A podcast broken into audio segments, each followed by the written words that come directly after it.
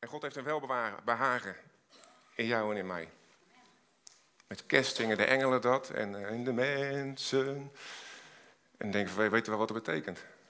God heeft een welbehagen in jou. Hij wil dat het met jou wel is.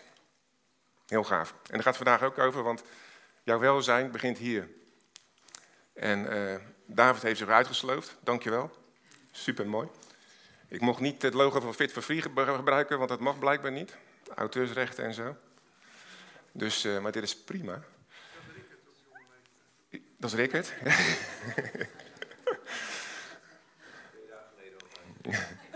Ik weet niet of jullie uh, bekend zijn met de sportschool. Ik weet voor sommigen intensief bekend met de sportschool. Niet? Ja, wel? Nee. ik heb het ook een tijdje gedaan. En uh, met mijn zwager. En ik moet zeggen dat we elkaar er naartoe moesten slepen. Tot ik op een gegeven moment ik, ben ik op mijn knieën gegaan en ik zei: Heer, neem deze last van me af. Dit, dit, dit kan niet de bedoeling zijn. Dit is verschrikkelijk. Dit is echt heel verschrikkelijk. En dan zit er spinnen en er staat zo'n man op, op die monitor die zit jou te vertellen dat het nog vijf minuten duurt. En het duurt gewoon nog twintig minuten. Hè. Die staat gewoon te liegen tegen jou op die monitor. Je gaat helemaal kapot. Ik tenminste wel. En de heeft bevestigd, want hij zegt van... de oefening van het lichaam is weinig nut. Dank u Heer. Dus ik ben gelijk gestopt. gelijk gestopt. Maar uh, nee, sport is leuk, toch? Sport is leuk. En uh, na het sporten, dan voel je je ook goed, hè? Je wordt moe, maar je voelt je eigenlijk best wel, ja, je voelt je best wel aardig. En dan komt het, met het sporten wordt er een stofje vrijgemaakt, endorfine heet dat. En endorfine geeft jou een gelukzalig gevoel. Chocolade ook, ja. uh, even zoeken hoe dat erin past. Maar nee. Um, endorfine. Endorfine, um, wat doet het? Pijnstilling. Het is de, kan het uh, bij, uh, bij helpen. Een gevoel van welbevinden en geluk na het sporten. Dus ja, ik begrijp het wel dat we dat uh, graag doen. Ik had het niet altijd, dat gevoel daarna. Tijdens ook niet. maar het maakt je lichaam aan, die stoffen. En uh, jouw hersenen die zorgen ook dat er bepaalde stoffen aangemaakt worden in je lichaam. En dat is bijvoorbeeld als je uh, moe bent, dat je als je thuis komt van het, van het werken. Of uh, als je s'avonds dan uitgeblust op de bank hangt en je zet de tv aan. En je een zak chips. En dan denk je, wow, dit is lekker. Dan zeg je, zeg je hersens zeggen dat, dit is lekker. En dat is een stofje dopamine wat er vrijgemaakt wordt. Dat zegt tegen jou, dit is lekker. En dat moet je vaker doen. Want het is lekker. En dopamine is een verre neef van amfetamine, wat gewoon drugs is. Of in drugs zit. Dus gewoon je lichaam zegt, dit moeten we vaker doen. En dat kan met chocola zijn, dat kan uh, lekker hangen. Want dat ontstrest. En je lichaam die bevestigt dat, want elke keer als je het doet is lekker. Toch? Ligt er misschien aan wat voor chips. Maar toch is het zo. Maar dat kan soms ook tot excessen leiden.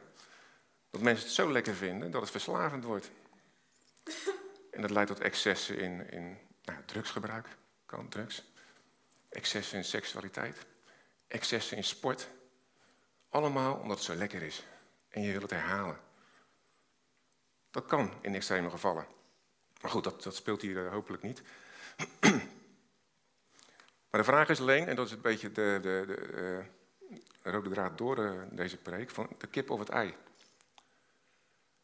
Neem, doe ik die dingen omdat ik me dan lekker voel? Of heb ik tussen mijn oren het gevoel dat ik niet lekker ben? Wat is het eerst? Gaat die dingen jou helpen je niet lekker te voelen? Of voel je nou echt, voel je nou echt wel niet lekker? Wordt nog wat duidelijker. Is het gemis? Is het gemis daar of is het in jouw gedachten gemis? En ga je naar iets zoeken wat een gemis wegneemt? Dat is een beetje de vraag. En ja, we doen het soms in sporten, soms met andere dingen, om, om, om, om je lekker te voelen. Maar de vraag is, zou het kunnen dat Jezus ook voor die dingen de oplossing is? Zou het kunnen? Misschien. Heel misschien. Sterker nog, niet alleen de oplossing. Want als er een oplossing nodig is, dan is er iets gebeurd. Maar je kan alleen oplossen wat niet goed zit. Zou het zo kunnen zijn dat Jezus zelfs zorgt dat dingen niet gebeuren? Nou, dat is de vraag vandaag. En um, dat is ook een tekst waar ik toen met de voorbereidingen over na moest denken. Toen ik met een wijntje en een zak chips de voorbereidingen deed. toen uh, kwam er toch weer die Hebreeën 10 tekst naar voren, waar ik vorige keer kort over gesproken heb. Waar staat dat de mensen telkens hun zonde in herinnering brengen. Door het offeren. En wij doen het soms ook nog. We brengen telkens ons, onze zonde bij God. Oh Heer, en oh, en ah, en ach en wee. en we beleiden. En zou het zo kunnen zijn dat we dat doen omdat we ons daarna minder schuldig voelen? Dat we eigenlijk een, een, een, een modus hebben gevonden waar we gerust op zijn omdat we toch niet helemaal erop vertrouwen dat we helemaal goed zo zitten tussen jou en God. Zou het kunnen? Dat we dat zelfs een beetje misbruiken? Dus het gaat erom, wat, wat zit er tussen je oren? Wat gebeurt er tussen je oren? En het heeft effect wat er tussen je oren zit. Dan mag de eerste tekst op. Spreuken 3, 5 tot 8. Ik realiseerde me laatst dat het wordt opgenomen. Het helpt niet als je zo gaat staan terwijl het opgenomen wordt. op de beamer staan. Vertrouw op de Heer met uw ganse hart. En steun op uw eigen inzicht niet. Nou, dat is al een beetje eng. Ken hem in al uw wegen, dus ook in de sportschool. Dan zal hij uw paden recht maken. En dat recht, dat is het Hebreeuws jazar. En als je dat uh, vertaalt, dan staat daar gewoon recht maar ook plezierig en voorspoedig. Hij wil jouw wegen voorspoedig maken. Er zit alleen een but aan. Het gaat wel via hem. Dus de Bijbel dat werkt niet. Dan kan je misschien ook wel voorspoed verwerven. Maar dat is niet de voorspoed waar hierop gedoeld wordt. Dit is de voorspoed die hier begint. En daar voert al het andere uit voort. Gaaf, hè? Dat hij dat wil. Zonder dat je per se naar de sportschool gaat.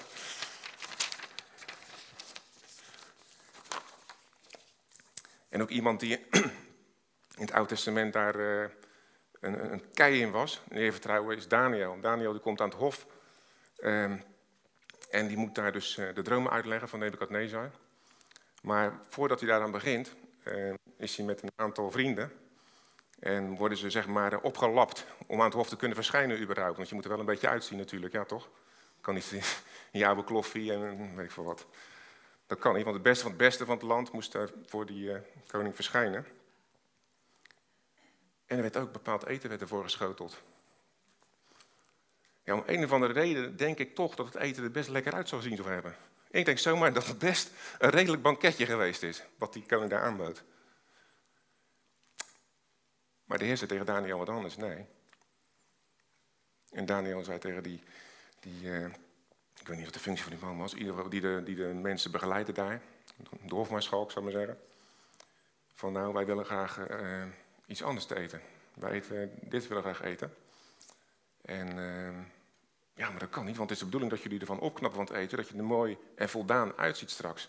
En dat je gezondheid uitstraalt. En die test die hebben ze genomen. En na tien dagen bleken David en zijn vrienden er dus mooier en fitter.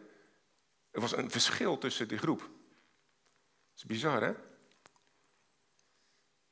En ik denk niet dat het netto aan het eten lag wat ze aten. Ik denk dat het eraan lag met de mate waarop ze op God vertrouwen. Want dat verandert je leven namelijk. En dat verandert jouw uitstraling. En dat maakt je lichaam gezond. Eerst je geest, dan je lichaam. Gaaf, hè?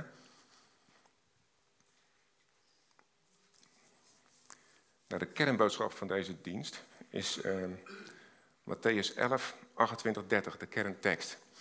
En die ga ik jullie op een andere manier voorlezen.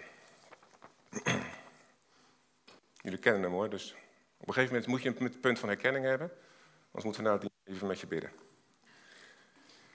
Kom op. Ieder die zo zijn best doet. Die hard probeert, jij die moeite meedraagt. Wat op je gelegd is, je bent overladen. Anderen hebben dingen op je gelegd. Je hebt zelf dingen op je gelegd. Anderen hebben dingen op je gelegd. Ik zal je verfrissen. verfrissen. Ik zorg dat het ophoudt. Wat ik je geef, is de balans waar de schalen van de weegschaal aan hangen.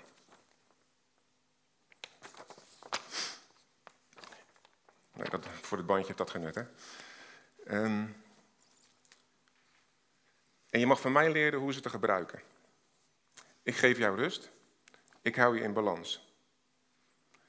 Wat ik op de weegschaal leg is licht. Je kan het makkelijk dragen. Dat stuk herkennen we, hè? Kom allen tot mij die vermoeid en belast zijn. Dat is een stuk wat hier vertaald is ja, vanuit de grondtekst. Dit staat er eigenlijk. En dat is toch net even anders. Komt op neer, want uh, ook met, met sport en met lijnen heb je af en toe van die balansdagen. Dan mag je even lekker. Uh, en daarna ga je dan weer sporten. Nou, met Jezus ben je eigenlijk altijd in balans. Je bent altijd in balans. Want als je je weegschaal voorstelt, als je een beetje te licht bent, dan gaat hij aanvullen wat je tekort komt. Of denkt te komen, want soms zit het ook tussen onze oren. En als je te zwaar bent, na het lijnen, nee hoor, als je te zwaar beladen bent, want daar gaat het om, dan neemt hij het van je af. Sterker nog, hij heeft het al van je afgenomen, maar hij gaat jou geloof geven, dat je gaat beseffen dat het van je afgenomen is. En dat geloof, dat gaat je vrijmaken. Dat gaat jou weer in balans komen. Want God wil namelijk niet dat we yo-yoen. Want als je niet in balans bent, dan ben je ontvankelijk voor allerlei zaken. Zaken die de wereld zeggen, zaken die op je werk gebeuren. Allemaal onware zaken. Verscheidenheid van leer, hè, staat in de Bijbel. Twijfel. En weet je wat het woord, het woord zegt over, over twijfelen? Dan moeten we niet denken dat we ook maar iets gaan ontvangen. Dus het is belangrijk dat je in balans komt. En het staat allemaal klaar. Het staat allemaal klaar. Alleen de vraag is, doe je wat Jezus vraagt? Kom bij mij als je vermoeid en belast bent. Of gaan we googlen? Wat zou ik hebben?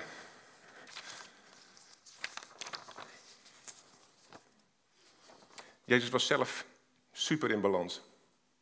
Ja toch? Amen. Twee jaar mens, dankjewel. En hoe zou dat komen? Dan mag de volgende tekst op. Hij was nooit in paniek. Johannes 5, vers 19. Jezus dan antwoordde en zei tegen hen: Voorwaar, voorwaar, ik zeg u, de zoon kan niets van zichzelf doen. Als hij dat niet de vader ziet doen. Want al wat deze doet, dat doet ook de zoon op dezelfde wijze. En in Johannes 14, vers 10 staat: De woorden die ik tot u spreek, spreek ik niet uit mezelf, maar de Vader die in mij blijft, die doet de werken. En daarom was Jezus in balans, onder andere. Hij ging niet zelf allemaal dingen verzinnen wat hij moest of niet moest. Hij volgde God. Hij vertrouwde hem. Hij keek naar zijn vader, wat doet hij? Dat doe ik. Wat zegt hij? Dat zeg ik. Het lied van, uh, van Jesus Caldwell. I pray what you pray. Amen. Dat, en dat is wat Jezus stabiel maakt. In ons geval mogen we kijken naar Jezus. Wat deed hij? Gaan wij dat doen? Niet in eigen kracht, in vertrouwen. Wat zegt hij? Gaan we dat zeggen tegen elkaar? Niet gemaakt, maar omdat het in ons hart gaat landen. Ik bedoel, je kan honderden bijbelteksten gillen, maar als er geen geloof achter zit, doe het maar niet dan. Sla dan maar die arm om iemand heen en hou je mond.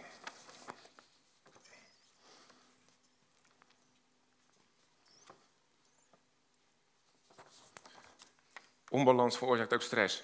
Kan stress veroorzaken, laat ik zo zeggen. Nou, daar heeft Jozef Prins best zoveel dingen over gezegd al.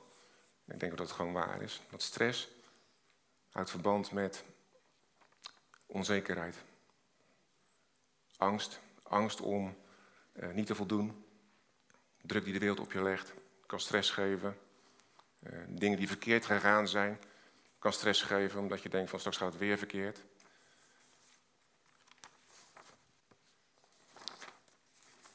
En toch mag je daarvan af, mag je dat, mag je dat loslaten. Want ook stress is eigenlijk gewicht in de schaal leggen die het niet verdient. Je geeft gewicht aan dingen onterecht. En de volgende tekst nog op. Gaaf plaatje, hè? Een supermooi plaatje. 1 Johannes 4, 18, 19. Er is in de liefde geen vrees, maar de volmaakte liefde drijft de vrees uit. De vrees houdt immers straf in. En wie vreest is niet volmaakt in de liefde. Wij hebben hem lief omdat hij ons eerst lief had. Gods liefde in jou drijft alle vrees uit. Je moet hem wel erin laten. Want ik sta aan de deur en ik klop, dan moet je wel de deur open doen. Niet door het luikje kijken van, hey, top, klak, deur dicht. Het helpt als je hem binnen laat. Het gaat iets beter werken. Uh, maar ja, hoe, hoe doe je dat nou nu? Nu in het dagelijkse, leven. Hoe ga je praktisch te werk? Dus dan komt hier de, de tien stappen tot stabiliteit. Stap 1? Nee hoor. We gaan het eigenlijk heel simpel maken. Het zou wel helpen als je lekker in tongen gaat bidden. Weet je dat bij in tongen bidden je stresslevels met 30% verlaagd worden? Dat is onderzocht. Weet je dat bij in tongen bidden enorme bergen endorfine vrijgemaakt worden? Zomaar een reactie van je lichaam, van het contact met God. Is toch gaaf? Hoef je toen niet naar de sportschool? ja, ik praat mezelf telkens moed in, hè? Duizend en één reden om niet naar de sportschool te gaan. Maar dat is toch gaaf? Dus dat is een hele simpele, praktische stap.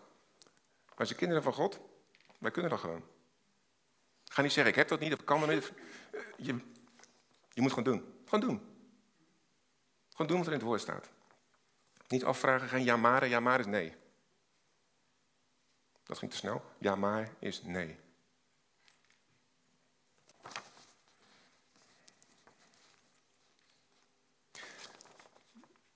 Maar wat zou nou heel erg belangrijk kunnen zijn om te ontstressen en om in balans te komen? Dat is gewoon je lekker je gemeente bezoeken. Mag de volgende sheet op.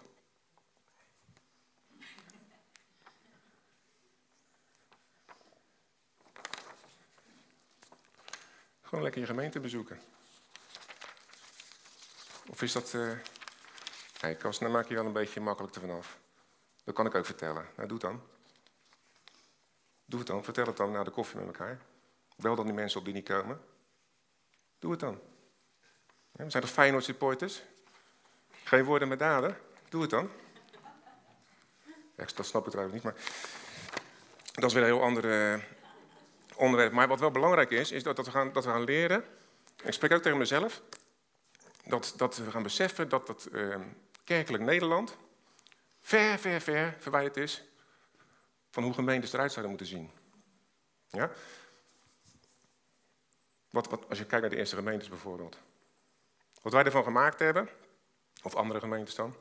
Wat andere gemeentes ervan gemaakt hebben, is een soort met uh, afhaalrestaurant. Je gaat erheen als je zin hebt, of als je trek hebt. Je komt binnen, je keurt eten een beetje, kijkt een beetje naar de bediening. Nou, nee. Je klaagt, eten is niet zo goed, bediening bevalt me niet. En je blijft gewoon gaan naar het restaurant. Want de mensen zijn wel gezellig. De verwachting die we van gemeentes hebben, is gericht op verzadiging van onszelf. En niet misverstaan, Jezus wil jou verzadigen hoor, 100%. Maar niet met de dingen waar wij waarde hechten in de gemeente. Of wat denken gewicht moeten geven in de gemeente. Wij vinden sommige dingen zo belangrijk. Het is zo niet belangrijk. Onder het woord blijven. Daar gaat het om. Weet je nog waar Genesis mee begint? Het woord van God. En het woord van God was bij God. En het woord van God, dat was Jezus. Dus eigenlijk bedoel ik met onder het woord blijven, is onder Jezus blijven. Hem op de eerste plek stellen bij de dingen die je doet. Dat is best lastig soms. Want we zijn toch Vaak uit impulsen reageren we op dingen. En als je Jezus op de eerste plek zet, ja, wat gaat hij doen, hè? Wat, je weet het nooit met Jezus. Die is zo niet in balans. Kan alle kanten op gaan. Wel geest, niet geest. Misschien moet ik wel naar uh, Afghanistan uh, evangeliseren of zo. Nou, dat is nou vertrouwen. Ik denk als jij er vertrouwen hebt, dat je gewoon gaat doen wat je moet doen omdat je in je hart doordat je onder het woord blijft, word je in je hart overtuigd van wat God tegen je zegt. En als je naar die tekst van Matthäus denkt, dan zegt hij, ik geef jou niet iets wat je niet kan dragen. Sterker nog, ik neem dingen van je af. En weet je wat er gebeurt als hij die dingen van ons af gaat nemen? Dan komt de ware jij wordt zichtbaar. Je trekt als het ware een jasje uit. Hij zegt, hang het maar aan mij. Ik ben de kapstok van je problemen. Hang het maar aan mij. Jas uit. Maar ja, we houden onze jas ook wel graag aan. Lekker veilig. Want ik ben in balans. Denken we.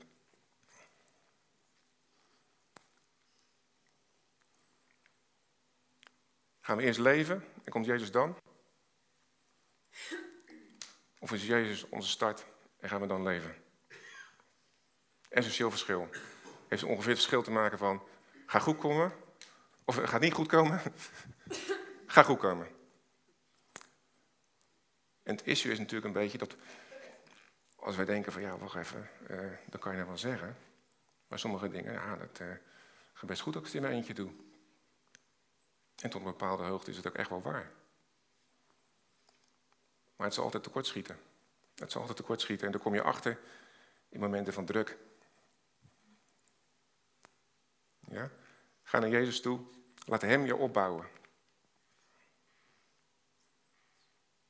Wat lekker in je vel zitten, want daar gaat het eigenlijk om vandaag. Hè? Het, fit, het fit worden, het fit blijven. Het begint hier.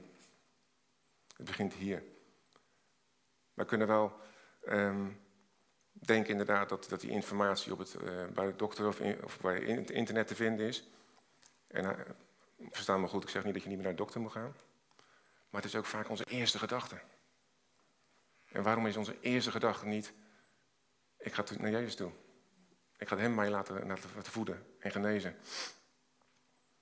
Maar dat is een, een onderdeel van hoe de gemeente eigenlijk vergroeid is. Uh, ik hoop dat wij deze dingen tegen elkaar zeggen, als we dat al niet doen. En, of als we het al niet doen, dat we dat gaan zeggen tegen elkaar. Dan zal ik gewoon eens even voor jou bidden. Kijken of dat beter werkt als die kuur. Zou zomaar kunnen.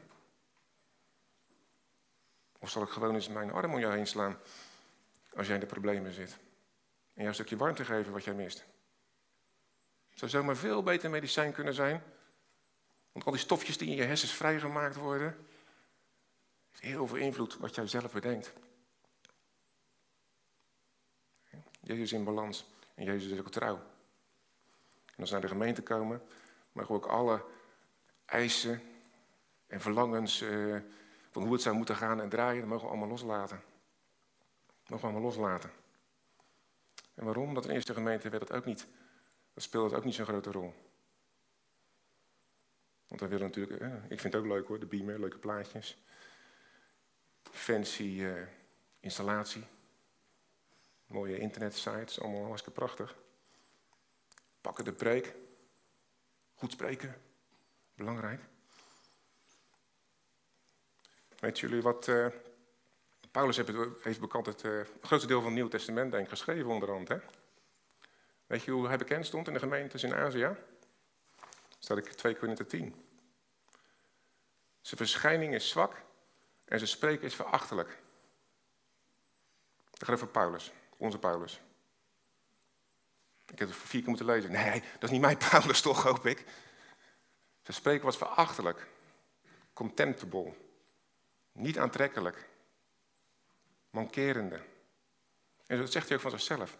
Ik ben niet naar u toegekomen met mooie woorden, met uh, dure volzinnen, met, uh, met beamers. Ik was eigenlijk zelfs een beetje bang voor jullie. Maar toen hij ging spreken, kwam de kracht vanuit. Want hij sprak alleen maar wat hij zijn vader hoorde zeggen. En dat is een kracht God. Dat heeft geen beamer nodig. Dat gaat beamen. In zichzelf. Amen. Uh, volgende sheet dus op. Eigenlijk al een beetje gezegd, maar toch wel belangrijk. Het beeld wat wij hebben van gemeente zijn, dat kan je helpen. Of het kan je op zijn Rotterdams gezegd de vernielingen helpen. De verwachting die wij in een gemeente hebben, is heel belangrijk. En de vraag is altijd, waarom Verwacht ik zoveel? Of, zoveel? Waarom verwacht ik dit?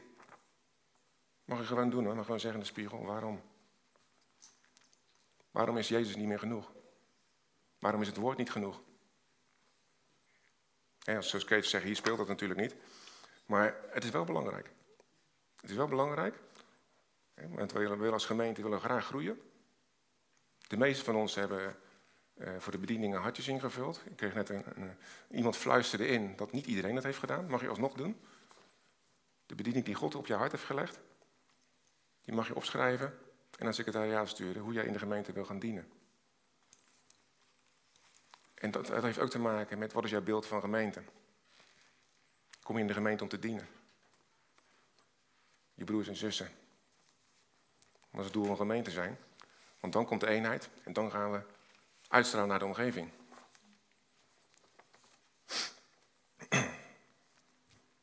Maar uiteindelijk is het bepalend wie in jouw bovenkamer de dienst uitmaakt. Ben jij dat of is Jezus het? Ben jij dat met al je mits en maren en eisen? Of is het Jezus die zegt van joh, kom bij mij, ik neem het van je af. En ga maar gewoon in mijn naam. Ga maar gewoon doen. Groot verschil. Wie maakt de dienst uit? En dat is niet alleen op zondag natuurlijk, dat is ook in de dagelijkse keuze die je maakt in het leven. Wie maakt de dienst uit? En Jezus gaat ze niet forceren in jouw, uh, in jouw hersenpan, want hij is er toch al. Alleen de vraag is, pak je zijn hand, ga je met hem mee? Of lopen we, wat heel menselijk is, ja, een stukje van hem verwijderd, een stukje te ver vooruit? Of heb je het idee dat je hem helemaal kwijt bent? Nou, bemoediging, hij is terecht. Maar pak hem ook vast, elke dag weer. Pak hem elke dag weer vast. En vertrouw erop. En dan mag uh, de laatste sheet er weer op. Spreuken 3, 5 tot en met 8. Deel daarvan hadden we net al staan, maar dat maakt niet uit. Vertrouw de Heer met uw ganse hart en steun op uw eigen inzicht niet. Ken hem in al uw wegen, dan zal hij uw paden recht maken. Wees niet wijs in eigen ogen. Vrees de Heer en wijk van het kwaad. En het zal medicijn wezen voor uw vlees. Een lafenis voor uw gebeente. Ik had er nog eentje, geloof ik, hè? Ja.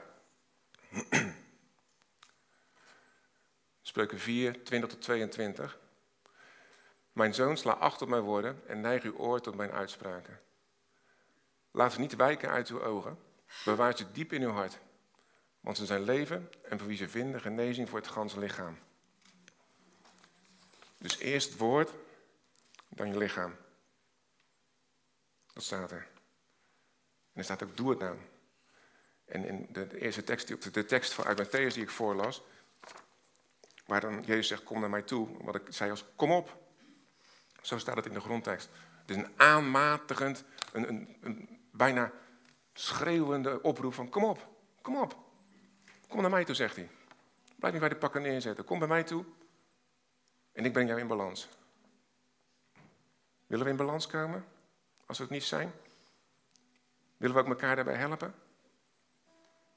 Willen we afwijken van de gezwesterde orde dat we alleen op zondag gemeente zijn?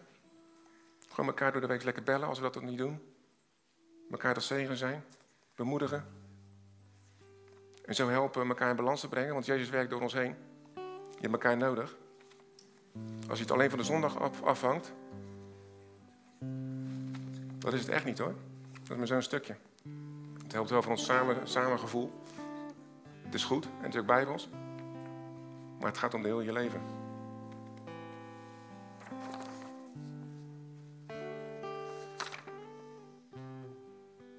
Was het. Amen.